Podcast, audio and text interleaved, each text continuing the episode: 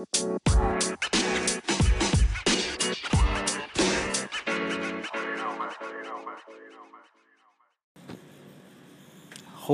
welcome back to Masadina Talks.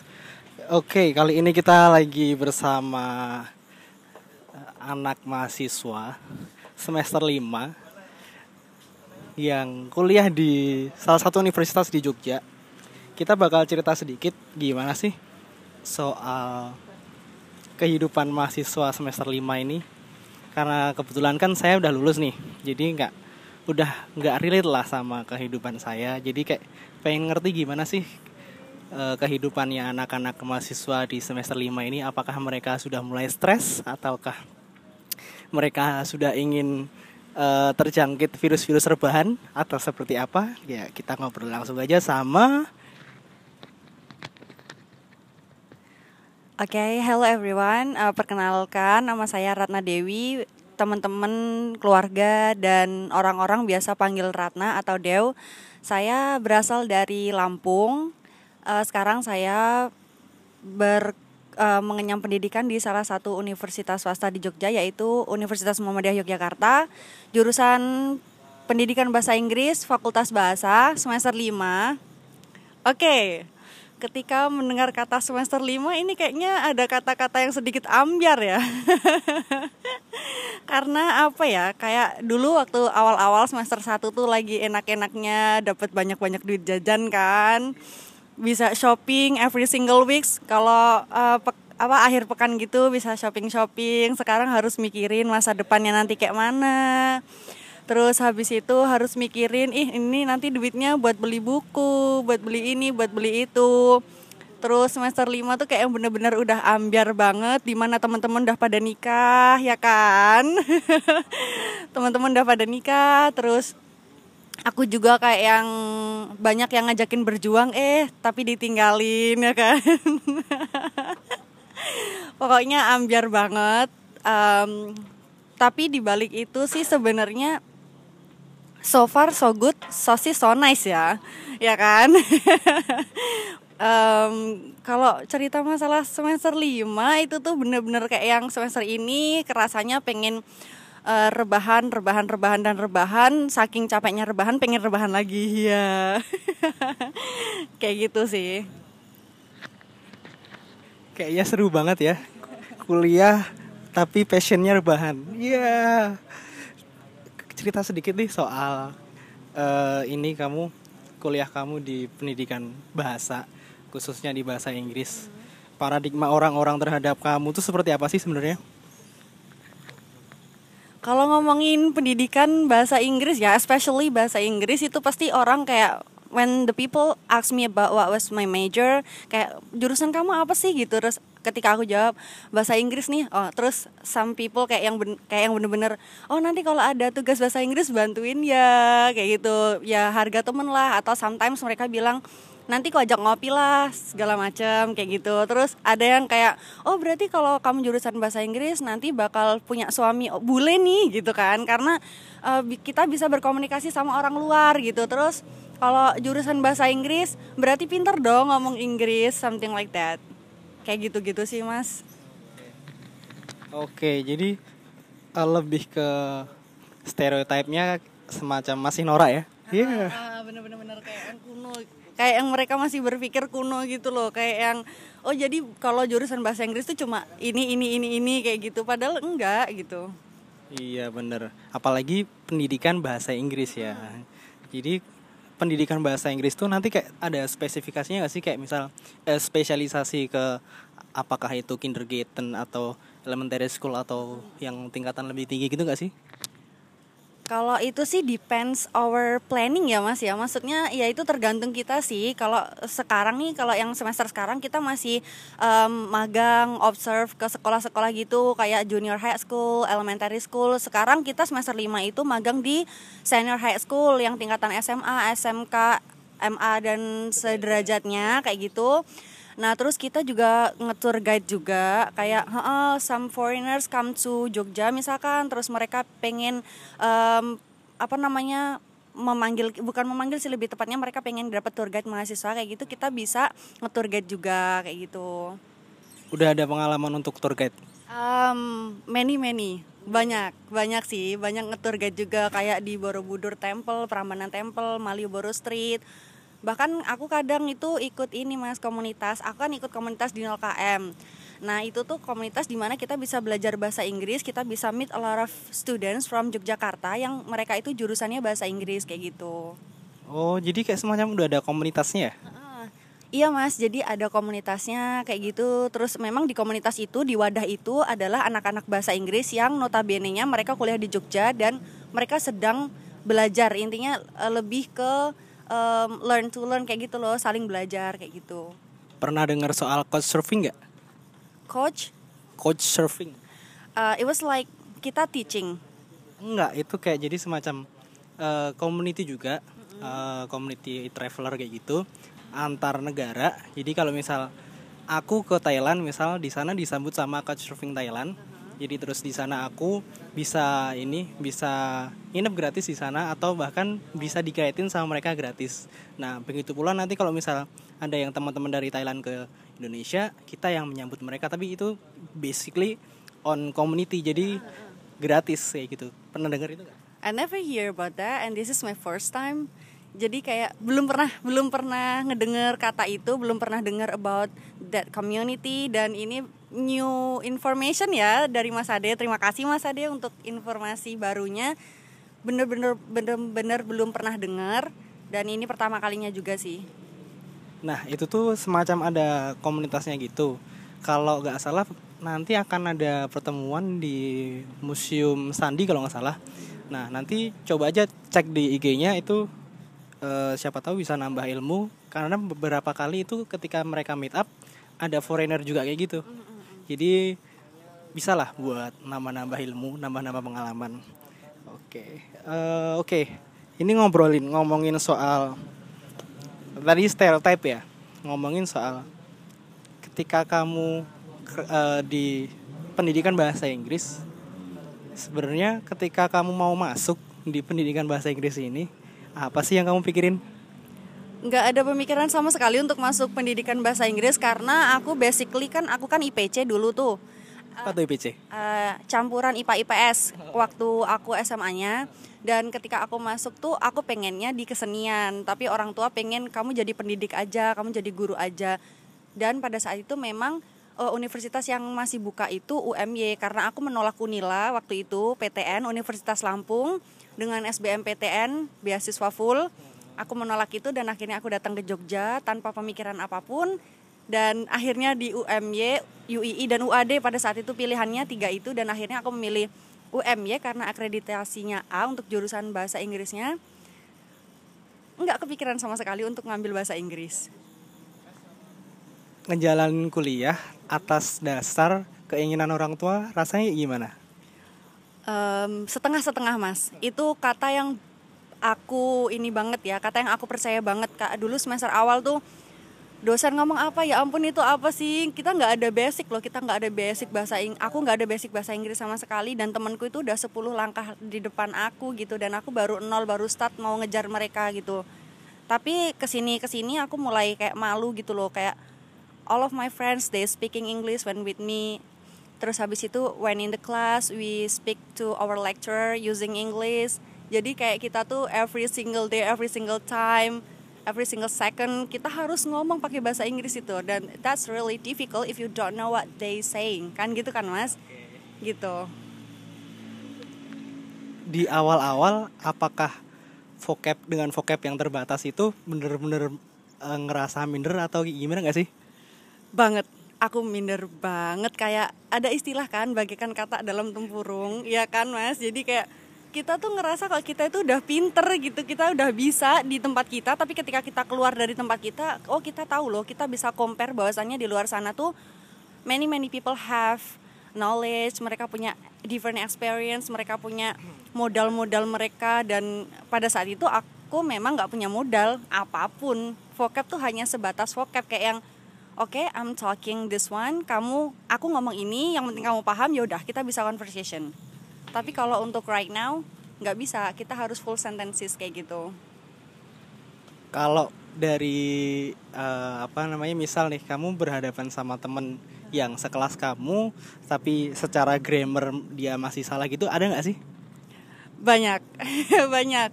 Um, mungkin orang berpikir ah pendidikan bahasa Inggris nih orang pinter-pinter gitu kan grammar bagus-bagus. Nggak mas. Sebenarnya kalau menurut saya kalau menurut aku itu um, ketika mereka bagus di speaking belum tentu mereka bagus di writing ketika mereka bagus di writing mungkin speakingnya salah-salah kayak gitu kayak gitu sih mas jadi bukan berarti kita yang kalian yang kuliah di pendidikan bahasa Inggris ini absolutely bener-bener uh, amazing, yeah, yeah. great untuk bahasa Inggrisnya. Iya, kalau dibilang kayak gitu sih, oke, okay, I will back to depends to every single people ya. Itu tergantung orang masing-masing seberapa jauh dia mau belajar, seberapa jauh dia mau mengerti dirinya sendiri, like the skills mungkin atau mungkin mereka pengen ngembangin skill apa itu tergantung dari mereka sendiri gitu. Jadi kalau kita mau menyamaratakan itu juga nggak bisa kan mas, because every single people have their on way to learn something gitu loh gitu terus gimana tuh ngejalaninnya kuliah yang setengah-setengah dari semester awal yang kuliah karena keinginan orang tua sampai sekarang semester 5 gimana rasanya tuh? At the first time rasanya pengen move to the other university like kayak misal kita kan setiap tahun ada pembukaan untuk maba kan mas mahasiswa baru. Dulu pas semester 2 tuh ah pengen daftar lagi nih di PTN gitu kan. Pengen ngambil jurusan yang disukai. Tapi ya my parents say ya udahlah ini udah semester 2 ngapain lo pindah-pindah gitu kan. Kasihan kan orang tua juga katanya like money wasting money wasting time gitu. Kalau misalkan harus pindah jurusan gitu jadi jalanin aja gitu. Jalanin aja gitu enjoy gitu. Kayak ada ada uh, someone say to me seseorang bilang ke aku kalau um, jurusan yang kamu pilih itu bukan jurusan yang salah. Itu adalah cara kamu melepaskan dan mengikhlaskan sesuatu yang nggak bisa kamu capai. Kayak gitu mas. Oke cukup dalam sih iya. berat berat oke kamu uh, orang yang percaya ini gak sih? Kayak misal setiap orang punya jalannya masing-masing setiap orang punya waktunya masing-masing dan juga semesta punya cara dan punya uh, bagaimana punya apa pun punya bagaimana punya apa ya? Punya tetap punya cara punya peran untuk kamu. Jadi kamu nggak perlu khawatir soal gimana masa depan kamu. Absolutely believe trust. Karena um, aku pernah ini mas apa namanya ngelihat video from Jack Ma Do you know Jack Ma, right? Nah, dia bilang katanya ketika di usia 25 uh, eh, buatlah kesalahan yang sebesar-besarnya. Tapi nanti di usia 30 ke atas kamu akan mengerti bahwa kesalahan itu adalah bentuk dari sebuah pembelajaran gitu. Aku beberapa waktu yang lalu juga buka sebuah Insta, uh, Instagram dengan sebuah akun namanya Scooters. Itu kayak scholarship program gitu. Ha-ha, terus habis itu di situ ada sedikit pembelajaran yang bisa aku ambil bahwasannya uh, setiap orang itu punya jalannya masing-masing setiap orang itu punya kesempatan masing-masing.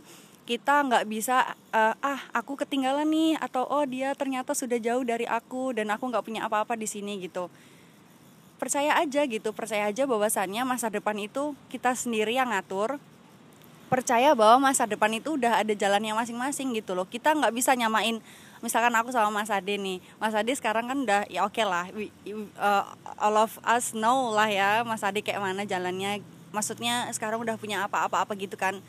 Aku nggak bisa dong iri sama Mas Ade karena Mas Ade udah ini. Nggak bisa karena we have the different way to reach our dream. Percaya nggak sama quarter life crisis? That was quarter life crisis. I never hear about that again and again you oke okay, jadi uh, gini quarter life crisis ini semacam kayak paradigma uh, orang-orang di usia sebelum 25 tahun yang mereka ngerasa kayak orang lain lebih dari aku orang lain punya pekerjaan yang lebih bagus orang lain punya pendidikan yang lebih bagus pokoknya nganggep orang lain tuh lebih wah daripada aku sendiri. Dan kayak ngerasa diri sendiri tuh kayak kayak apa ya kayak ya kayak istilahnya minder lah hmm. uh, jadi kayak ngerasa diri sendiri itu rendah sementara orang lain tuh kayak ya, lebih bagus lebih wah daripada aku gitu pernah punya pikiran kayak gitu gak? Sometimes terkadang mas akhir eh, dan pada akhirnya balik lagi don't underestimate ourselves jangan mengunderestimate maksudnya jangan salah paham sama diri sendiri Eh, Mas Udin pernah bilang ke aku eh, kalau kita pengen melakukan sesuatu jangan bilang ke diri sendiri ah aku nggak bisa nih that's called mental block Iya kan? Mental block kita belum melakukan sesuatu tapi kita sudah bersugesti ke diri kita sendiri bahwasannya kita nggak bisa. Gitu. ngomongin soal mental block nih di mahasiswa usia semester 5 ya, rata-rata ya kan rata-rata nih pasti punya persepsi soal skripsi soal semester ke depan yang lebih berat lagi. Pada semester ini sudah disibukkan dengan banyak tugas banyak eh, hal-hal yang bikin penat. Nah menurut kamu stereotip seperti itu tuh gimana sih caranya menyikapinya? Cara menyikapinya adalah percaya bahwa sebab akibat itu ada. Iya kan mas, kayak kita melakukan sesuatu karena sebab Berarti kita harus mendapatkan akibat dari sebab tersebut kayak gitu kan So far aku enjoy-enjoy aja sih ya Karena mungkin ini adalah akibat dari semester 1, 2, 3 Aku bener-bener push myself Kayak bener-bener aku harus ngejar target aku untuk belajar bahasa Inggris segala macem. Ke sini-kesini ya baik-baik aja. Dan semua hal itu nggak seperti yang kita pikirkan. Semua hal nggak seperti yang kita sugestikan. Sebelum kita jalanin ya jangan terlalu bersugesti bahwa itu adalah sebuah kesulitan atau sebuah batu di saat kita berjalan kayak gitu Oke. Jadi kira-kira menurut kamu kamu adalah salah satu orang dengan tipe yang takut sama masa depan atau hadapi atau jalani aja gitu atau gimana sih? Nggak takut sama masa depan maksudnya nggak takut ya mas ya. Lebih tepatnya itu sambil berjalan sambil di planning gitu loh mas. Karena orang kan punya eh, apa namanya punya jalan hidupnya. Orang punya planning masing-masing. Orang punya oh aku pengen jadi ini aku punya cita-cita ini segala macam. Nanti ketika aku udah wisuda mungkin atau ketika aku di usia 25 atau 28 aku pengen nikah something like that kan jadi aku adalah tipe orang yang ya udah jalanin tapi I learn something new. Aku belajar hal yang baru kayak misalkan bertemu banyak orang, aku bisa sharing tentang mungkin pengalaman aku, aku bisa dapat tentang pengalaman mereka kayak gitu lebih banyak-banyak bersosialisasi itu bisa open mindset. Uh, open mindset terus nggak ngestak di situ-situ aja kayak gitu, Mas. Oke, ngomongin soal sosialisasi nih. Kayak kebanyakan banyak nih aku baca di Twitter soal mereka rata-rata di luar introvert. Oke. Terus mereka tapi di Twitter banyak bacot gitu. Oke. Nah, jadi kayak semacam apa ya? Mereka tuh berkepribadian ganda atau mungkin mereka di luar sebenarnya pengen berekspresi tapi mereka takut atau eh, kayak mereka tuh mungkin ngerasa di luar kurang dihargai kali ya. Nah, kalau kamu tuh tipe yang kayak gimana sih? Dibilang introvert nggak introvert dibilang extrovert ya nggak extrovert juga jadi aku ambivert kayaknya deh mas Eh, ambivert itu between introvert and extrovert jadi kalau introvert itu kan em, orang yang suka diem gitu kan orang yang mungkin suka suasana sepi menyendiri sambil baca buku kayak gitu kan atau mungkin listening music di tempat rame kayak gitu dan extrovert itu kan juga kebalikan dari introvert. Nah, aku tuh bukan tipe-tipe orang yang kedua-keduanya gitu. Jadi aku ada di ambivert gitu, orang yang sometimes introvert, sometimes extrovert, but this is me kayak gitu. Berarti di kampus banyak temennya dong. Pol. Ah, aku punya banyak temen di setiap universitas kayaknya ada, setiap jurusan kayaknya ada gitu, Mas.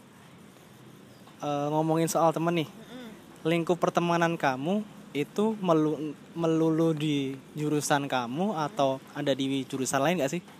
Ada mas. Uh, circle aku tuh meluas gitu ya. Nggak di situ-situ aja gitu. Aku kayaknya ini deh realize kalau aku tuh bukan tipe orang yang suka bertemu dengan orang yang itu itu aja kayak gitu loh. Aku malahan di jurusan aku tuh semuanya kenal. Aku semuanya kenal mereka juga kenal aku. Tapi aku tuh nggak nggak selalu nimbrung sama mereka kayak gitu aku juga punya temen dari fakultas kesehatan pertanian terus habis itu dari teknik juga banyak terutama yang cowok-cowok ya teknik juga banyak terus banyak kok mas universitas lain juga kayak UAD terus UGM UNY dan segala macamnya Nah, ketika kamu ketemu sama teman baru dari jurusan yang berbeda.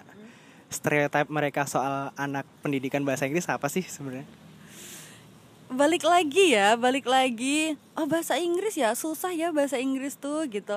Aduh harus belajarin vocabulary terus harus belajar pronunciation terus habis itu semua semua hal tentang bahasa Inggris mau itu talking mau itu buku mau itu jurnal mau itu apa pun itu tentang semua hal yang berkaitan dengan bahasa Inggris tuh aduh susah ya. Aduh kok gini ya? Kok bahasa Inggris? Kok kamu ngambil bahasa Inggris sih? Many many question that I get from them kayak gitu sih.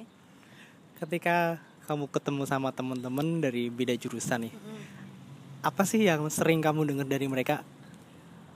Em, kayaknya aku salah jurusan di sini deh. Kayaknya aku salah jurusan deh. Aduh udah semester 5, udah sibuk banget magang, praktikum segala macem. Bentar lagi skripsi belum tahu judulnya apa. Aduh nanti kalau sempro gimana ya gitu Mas. Kayak mereka tuh bersugesti sesuatu yang mereka tuh belum alamin but it's common things. Itu wajar sih Mas ya karena jiwa-jiwa manusia dan jiwa-jiwa mahasiswanya sedang bergejolak mungkin ya. Jadi mereka kayak yang bener-bener ya udah gitu ya udah oh ini loh ternyata semester 5 tuh kayak kayak dulu waktu semester 1 ah semester 5 jadi cutting kayak gitu kan. Sekarang pas kita jadi cutting kakak tingkat tuh bener ya dulu apa yang dibilang cutting tuh ternyata sesulit ini kayak gitu. Kamu tuh salah satu orang yang cukup aktif sebagai aktivis gak sih? sepertinya iya mas kalau nggak mager ya. Iya Ikut-ikut kayak kemarin gerakan Gejayan memanggil gak? Mm, Enggak mas, aku bukan tipe orang yang suka politik. Aku adalah penonton. Ta- Aku tahu apa yang sedang mungkin, oke mungkin tahu-tahu sedikit-sedikit lah apa yang sedang trending gitu. Tapi nggak terlalu turn in, nggak terlalu ngecun di situ. Menurut kamu nih soal teman-teman kamu yang kayak gitu, wasting time gak sih? Em, mereka pasti punya alasan kenapa mereka melakukan hal seperti itu. Alasan itu nggak semuanya harus dijelaskan. Karena itu balik lagi ke hak mereka masing-masing gitu kan. Ketika kita nanya wasting time, ya kalau menurut aku orang yang nggak suka politik, oke itu pasti wasting time banget kan. Ya ngapain gitu kan di jalan-jalan gitu-gitu. Tapi untuk teman-temanku yang mungkin anak-anak pemerintahan atau anak-anak hukum, visipol, fakultas visipol ya ini adalah kewajibanku untuk menggerakkan, menyuarakan suara mahasiswa gitu loh karena aku adalah jiwa-jiwa yang nggak bisa diem aja kalau ngelihat kayak gini gitu loh mas. Oke, jadi udah dari apa ya? Mungkin sesudah sesuai dengan kodratnya mungkin ya. Setiap manusia punya perannya masing-masing. Oh, jadi nggak bisa juga dibilang ketika uh, ada mahasiswa yang kayak gitu dibilang wasting time atau mungkin uh, mereka melakukan hal-hal yang efektif untuk perkuliahan mereka ya kan? Karena setiap dari kita pasti punya perannya masing-masing. Oke jadi kalau menurut kamu penting gak sih berorga- berorganisasi? Penting banget, penting banget. kenapa? Alasannya yang pertama kita belajar gimana caranya bersosialisasi dengan orang-orang yang baru. Terus kita bisa belajar banyak hal kayak misalkan belum pernah nge-MC nih. Ternyata di organisasi disuruh nge-MC kayak gitu kan. Terus habis itu belum pernah kunjungan ke DPR mungkin atau apa kita bisa kunjungan kayak gitu. Jadi belajar hal yang baru, punya sesuatu yang baru, bertemu dengan orang dengan karakter yang berbeda-beda itu penting banget sih kalau menurut aku, Mas. Oke, jadi kalau kamu bisa recap nih dari semester 1 sampai semester 5 Hal-hal apa aja sih yang bikin kamu semangat Atau hal-hal yang bikin kamu down Tapi bikin kamu semangat lagi Oke, Atau ya. ya pokoknya lika-liku dinamikanya dalam kamu kuliah selama semester 1 sampai semester 5 ini apa aja sih?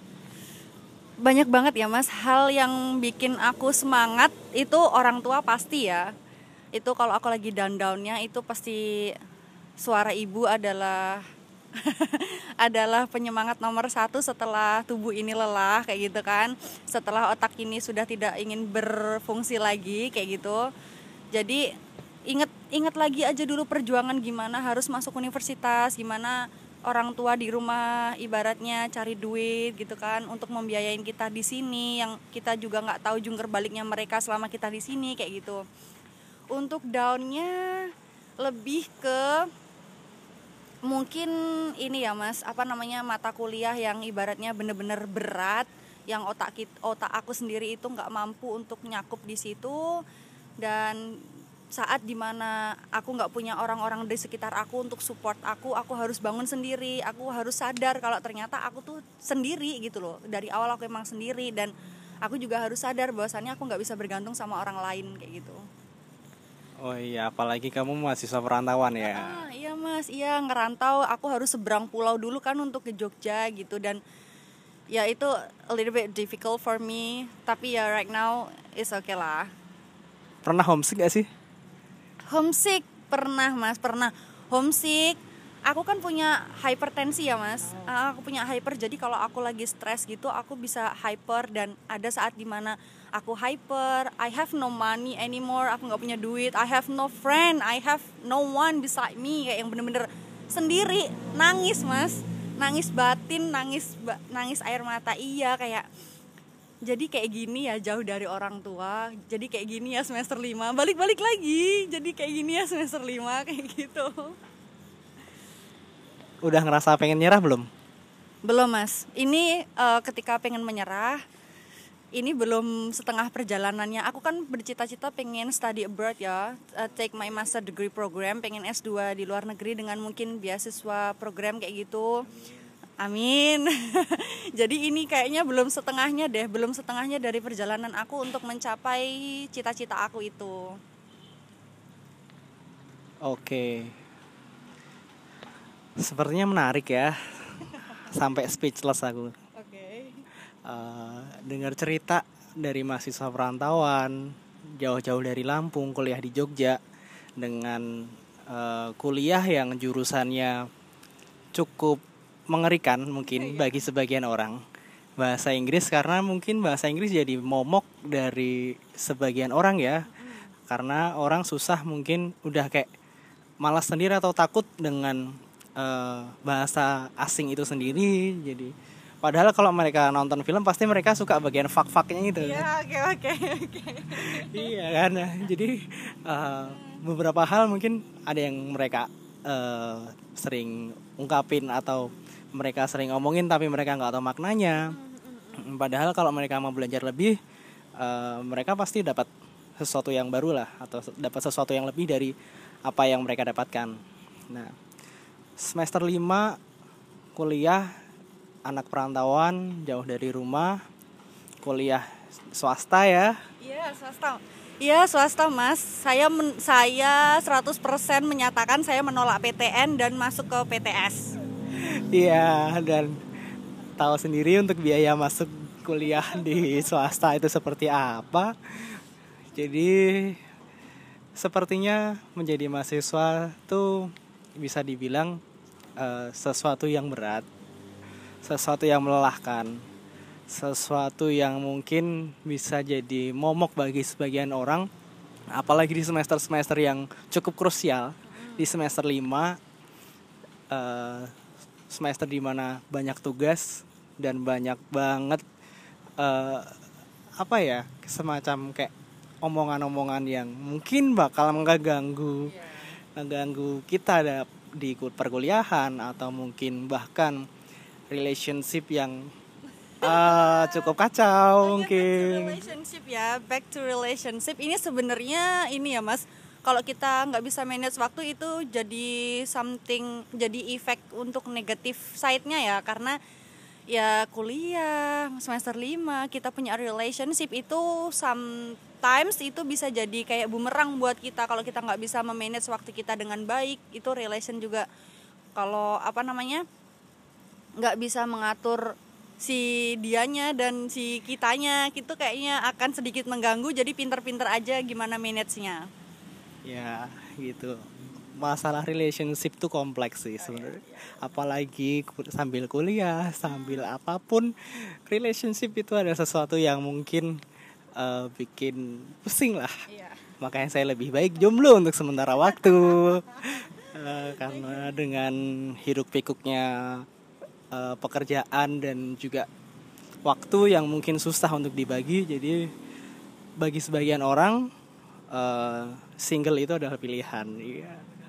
Oke dan mungkin bagi teman-teman semua yang ngedengerin ini ngerasain gimana sih susah payahnya kuliah di semester 5 gimana rasanya pengen rebahan gimana rasanya sudah penat dengan kuliah yang hektik banget dengan uh, mungkin ngerasa salah jurusan dari awal dan sampai sekarang jalaninnya setengah-setengah.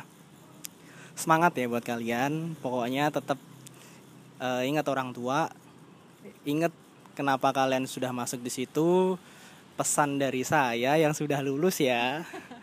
Sebenarnya kalau udah lulus tuh kalian bakal kangen kok jadi nikmatin dulu aja untuk segala sesuatu yang kalian rasakan di semester 5 ini.